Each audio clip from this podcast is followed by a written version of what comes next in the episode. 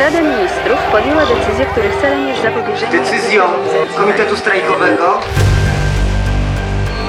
Na początku, był lipiec.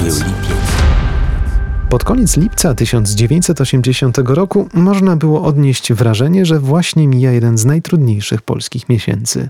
Ogromna fala strajków, która przetoczyła się przez kraj ze szczególnym uwzględnieniem Lubelszczyzny z jednej strony i fatalne warunki pogodowe z drugiej. 28 lipca dziennikarz Kuriera Lubelskiego donosił Niestety ulewne deszcze i powódź nie ominęły województwa lubelskiego. Nie ma co ukrywać, że sytuacja jest bardzo groźna, ale nie tragiczna. Są olbrzymie rozlewiska, a woda zalała około 5 tysięcy hektarów i łąk. Najbardziej ucierpiały okolice Trawnik, Milejowa i Kocka. Powódź nie zagraża zabytkowemu Kazimierzowi.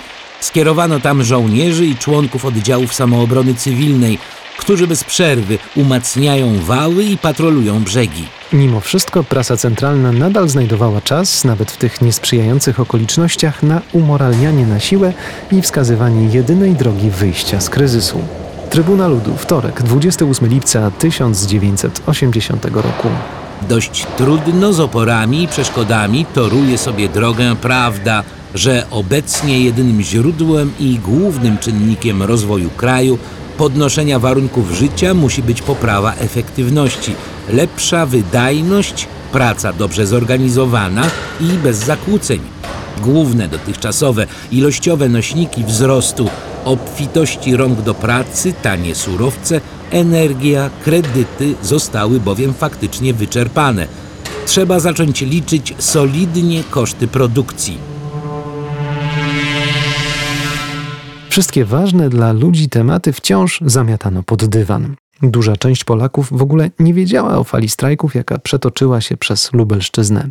Pod koniec lat 70. Stefan Kisielewski w swoim prowadzonym potajemnie dzienniku zauważał z goryczą. To, co się u nas dzieje, można by nazwać terapią ciszy. Stosuje się ją we wszystkich dziedzinach, milczy się na wszystkie ważne tematy polityczne, gospodarcze, zagraniczne, historyczne, religijne, kryminalne wszystkie. Nie pamięta się, co było rok temu, bo nikt tego nie przypomina. Nie wie się, kto właściwie rządzi i skąd się wziął.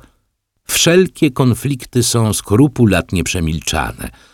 Tak więc to, co mnie się wydaje obłąkańcze i żywcem wzięte z Orwella, tutaj jest już normą. Na domiar złego codzienność nadal doskwierała. I to bardzo. Słowem kluczem był wszak nadal niedobór.